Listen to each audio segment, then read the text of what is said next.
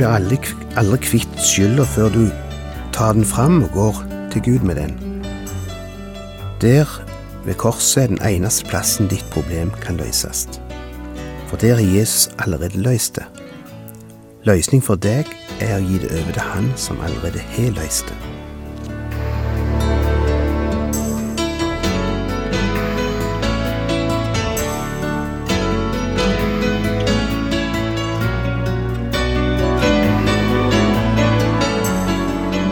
Hjertelig velkommen til et nytt program i serien Vindu mot livet.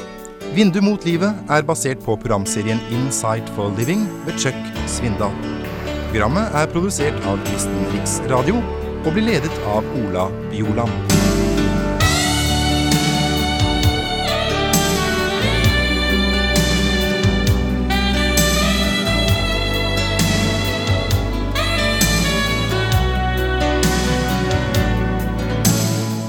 Det er en veldig dramatisk fortelling vi har framfor oss i dag.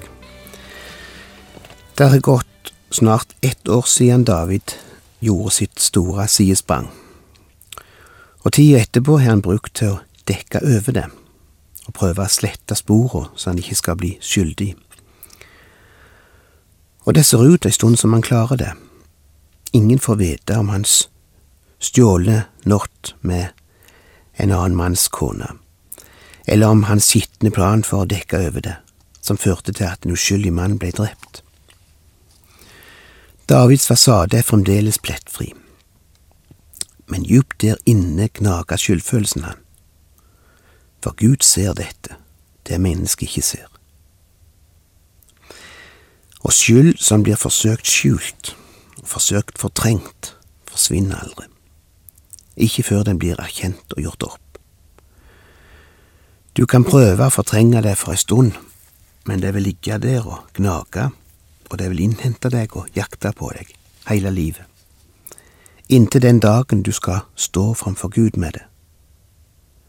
Hør hvordan skyld og plaga David, sjøl om han hadde klart å skjule det for mennesket. Hør hva han skriver om i Salme 32. Jeg tærtes bort, jeg stønnet dagen lang, din hånd lå tungt på meg dag og natt. Livskraften forsvant. Men Gud sender en Natan inn i Davids liv. Det blir et tøft oppgjør, men det blir også et befriende oppgjør. Befriende fordi David tar imot konfrontasjon og erkjenner skyld. Mange mennesker gjør den store feilen at de avviser Natan når Gud sender han inn i deres liv. De vil ikke erkjenne ham. En psykiater har beskrevet hvordan mange mennesker forholder seg til skyld ved å bruke et bilde. Han snakker om de røde lysene som av og til lyser inn i dashbordet på bilen. For eksempel det røde lyset som viser at det er tomt for olje, iallfall var det sånn med de gamle bilene. Eller det som viser at håndbremsa står på, eller et av de andre. Røde varsellamper som sier det er et problem under panseret. Du bør sjekke det, ellers vil du få større problem seinere. Og du kan gjøre en av to ting. Du kan stoppe, gå ut av bilen, åpne panseret og sjekke hva som er galt. Eller du kan ha en liten hammer liggende i bilen, i hanskerommet, og når ei rød lampe begynner å lyse, så kan du slå på den med hammeren og knuse pæra, og lyset forsvinner. Og du kan fortsette kjøringa uten det irriterende lyset og etter ei stund vil du merke hva som er galt. Men da er motoren kanskje oppbrent, eller bremsene øyelagt, og du begynner å angre på at du kunne være så dum og knuse varsellampa. Mange mennesker går rundt med slike små hammere i lommen, og når det begynner å lyse ei rød lampe i deres samvittighet, så smeller de til den, og lampa slokner. De prøver å si det seg sjøl at andre gjør jo dette. Hvis det ikke er galt for deg, hvorfor skulle det være galt, mer galt for meg? Og de klarer å overbevise seg sjøl, iallfall for ei stund, og lampa slutter å lyse. Men om lampene slutter å lyse, betyr ikke det at problemet er borte. Lampen bare indikerte at det fortsatt var tid til å gjøre noe med det, til å stoppe og korrigere feilen. Men når en neglisjerer varsellampa, først da er det problemet vil bli et problem. Og David hadde ei slik lampe i livet sitt. Det var Natan. Og lykkelig var David at han ikke knuste den lampa. La oss sjå hva som skjer når Natan her kjem til David. Vers 1. Herren sendte Natan til David. Han gikk inn til kongen og sa, La oss stanse et øyeblikk der. Tenk deg å være i Natans sko her. Gud sier til han, du skal gå til kongen, og du skal si det rett ut at han lever i synd. Og der står Natan framfor verdens mektigste og mest suksessrike mann på den tida, og peker sier, Du er skyldig, David. Den mannen som prøvd å fornekte det i et helt år, og ingen andre rundt David har mot nok til å si han sannheten, hvis de i det hele tatt vet noe om det. Jeg tror nok de vet mer enn de tør å si. Jeg tror nok de lukter lunta, at de forstår at her er det noe som ikke stemmer, selv om de ikke vet eller kjenner til detaljene. Du kan skjule mye, skjule facts, så ingen virkelig vet hva som er hendt, men likevel lukter det rundt deg. Der ligger noe i lufta, liksom. Her skapes mistanke skapes rykte, men ingen er modige nok til å gå rett til deg og si folk snakker om deg. Vel, Nathan gjør det, og hør hvordan han gjør det. Han går ikke rett bort til han og sier du lever i synd, min venn. Han er en meget klok rådgiver og sjelesørger, så han begynner med å fortelle en historie. Det bodde to menn i en by, sier han. Den ene var rik og den andre fattig.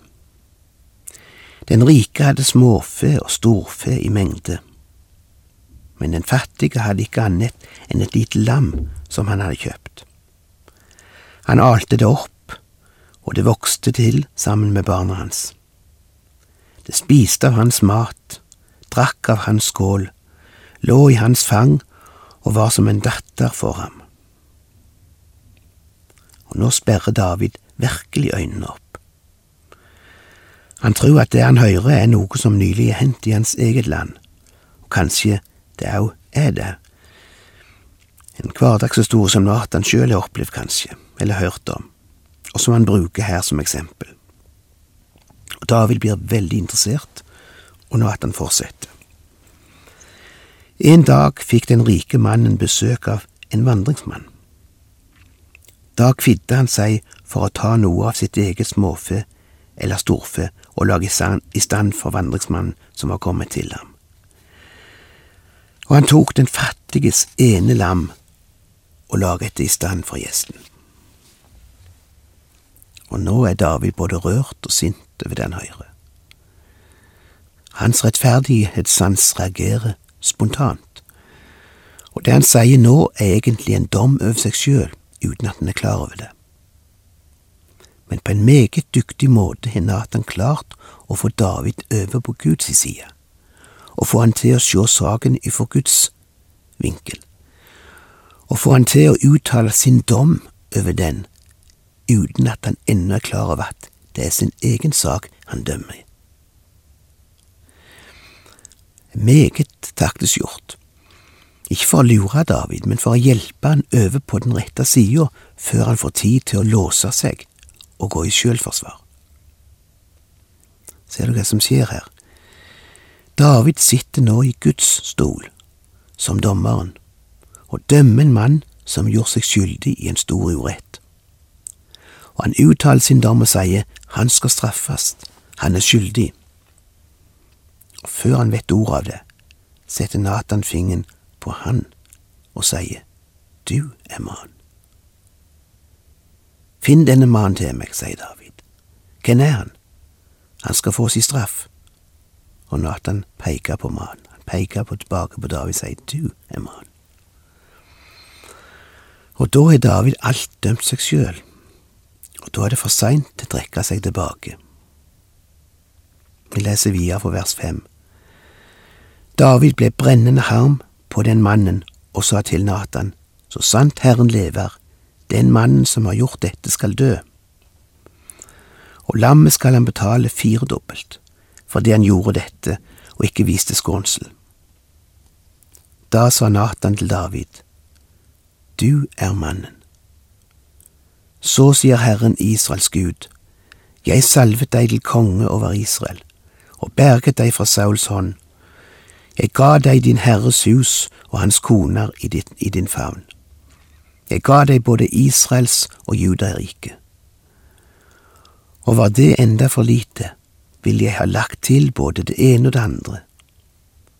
Hvorfor har du da foraktet Herrens ord og gjort det som er ondt i Herrens øyne? I titten Uria har du drept med sverd. Du lot ammonittene drepe ham, og du tok hans kone og gifte deg med henne. Så skal da sverdet aldri vike fra ditt hus, siden du har foraktet meg og tatt i titten Urias kone. Så sier Herren, jeg lar ulykke komme over deg fra din egen ett. Jeg vil ta konene dine like for øynene på deg og gi dem til en annen mann. Han skal ligge med dem midt på lyse dagen. For du har handlet i det skjulte, men jeg vil la dette skje for øynene på hele Israel midt på lyse dagen.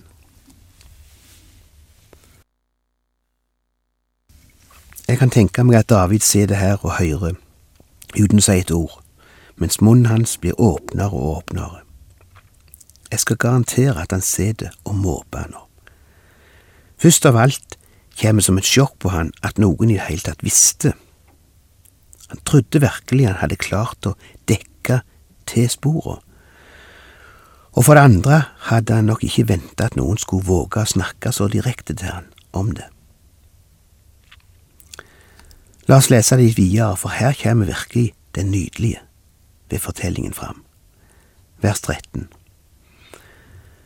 Da sa David til Natan, Jeg har syndet mot Herren. Natan svarte, Så har også Herren tatt bort din synd. Kan du tenke deg noe så ufattelig? Det var alt som skulle til for at David skulle få løst sin årelange pine og kval. Et lite sekund, en kort, men ærlig bekjennelse, og han får knapt fullendt setningen Jeg er synda mot Herren, før han avbrytes med ordet Og Herren har tatt bort din synd. Det må ha vært et forferdelig dramatisk øyeblikk. Men midt i det vonde har det vært en kolossal befrielse for David å få sette ord på det, å få snakke om det, å få bekjenne det. Ja, egentlig er det ikke han sjøl som, slett, som setter ord på det, han får hjelp av sjelsørgeren. Det er Natan som så å sier bekjenner for David. Men David er med, altså bekjenner på vegne av David. Men David er med, og han får ikke sagt noe annet enn disse ordene, jeg er synda mot Herren. Og det var alt som skulle til. Gud er klar til å løfte den børa av David som er tært og pint han i månedsvis, og spist han opp innvendig, og tørka han inn, og gjort han til en åndelig invalid. Det har vært taus på slottet de siste månedene. Freden og gleden og sangen har vært borte. Fasaden har vært holdt i orden, men livet, det sprudlende livet, er blitt kvalt. Og nå er det Gud som bøyer seg ned og tar lokket av Davids liv igjen, som har ligget der og kvalt han i alle disse månedene. Og nå kommer det fram, det han har gått og lengta etter denne tida, men ikke klart å komme fram med. Hør på Salme 51. I overskriften heter det En salme av David, den gang profeten Natan kom til ham etter at han hadde vært hos Batseba. Og så kommer det ut. Vær meg nådig, Gud, i din trofasthet. slett ut mine overtredelser i din store barmhjertighet. Gjør meg ren og fri for skyld, og rens meg for min synd. For mine overtredelser kjenner jeg, min synd står alltid mot for meg. Mot deg alene har jeg syndet, og det som er ondt i dine øyne har jeg gjort.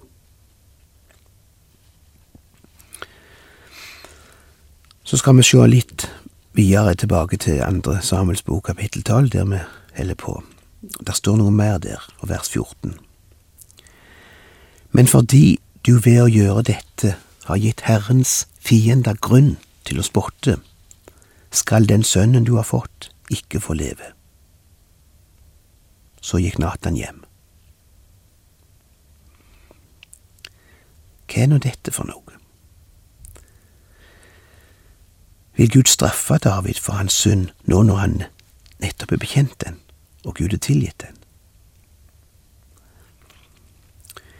Og i vers 10-12 blir det nevnt en rekke ting som vil komme til å skje som en konsekvens av Davids synd. Et sverd skal ligge over hans hus. Om det nevnes opprør som skal bli begått mot han. Ja, det står til og med at noen skal komme og ta konen hans og ligge med de midt på lyse dagen. Og det som kjenner historien videre, vet hvem det der siktes til. Det sikta til Davids egen sønn Absalom, som seinere gjorde opprør mot far sin og styrta han ifra trona for ei stund, og for liksom å skjende han på det verste så lå han med konen hans. Det som sies her, er altså at det kommer til å bli noen konsekvenser av det som er skjedd. Og konsekvensene skal først og fremst komme til å vise seg i Davids egen heim, i hans egen familie, i hans barn. Det blir et rot og et kaos som du ikke kan tenke deg.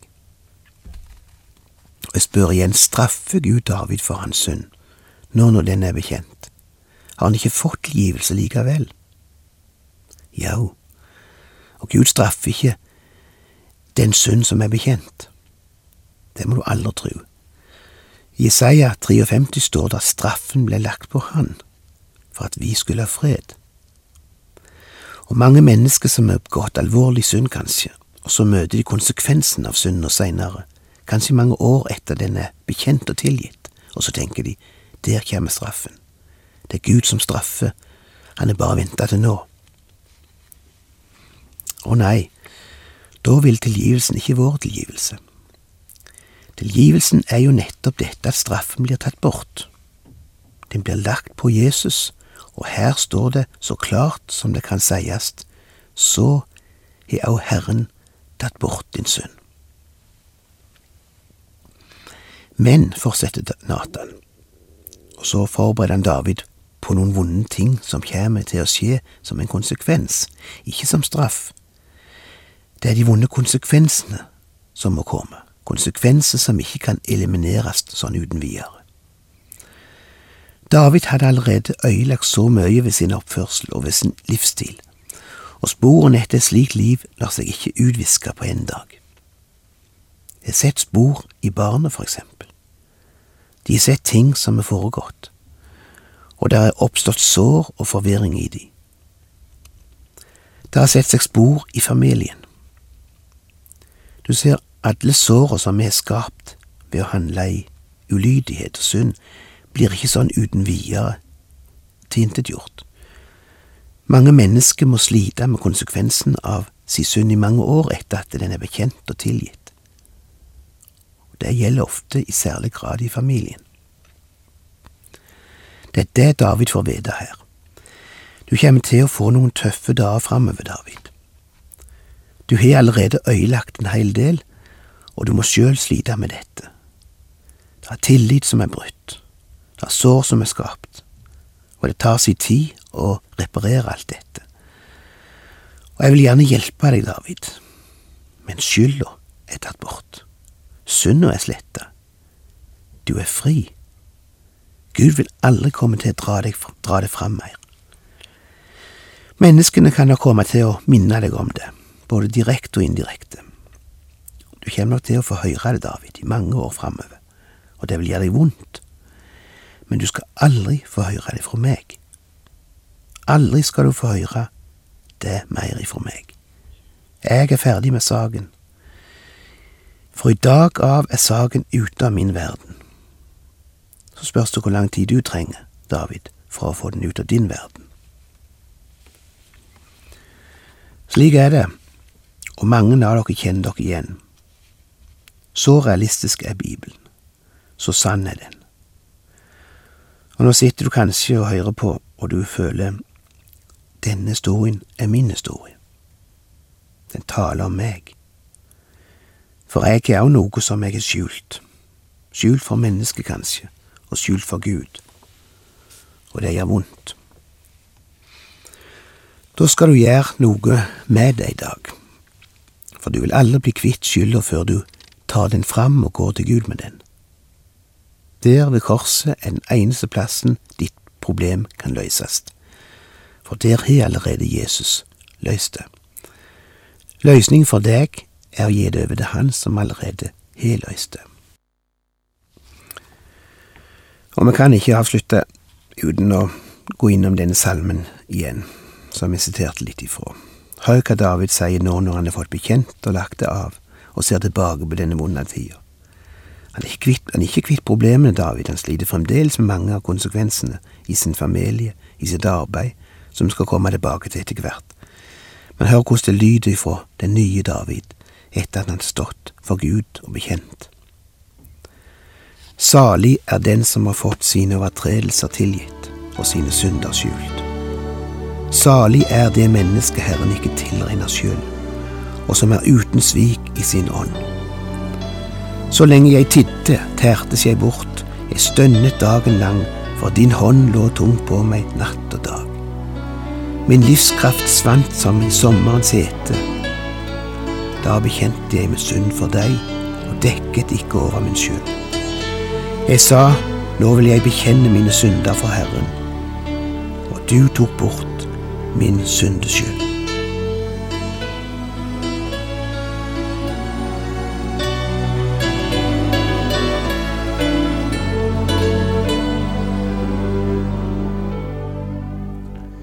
Du har lytta til Ola Bjoland i serien 'Bindu mot livet fra Kristen Riksradios arkiv. Ola Bjoland var ansatt i Kristen Riksradio til han døde i 2002.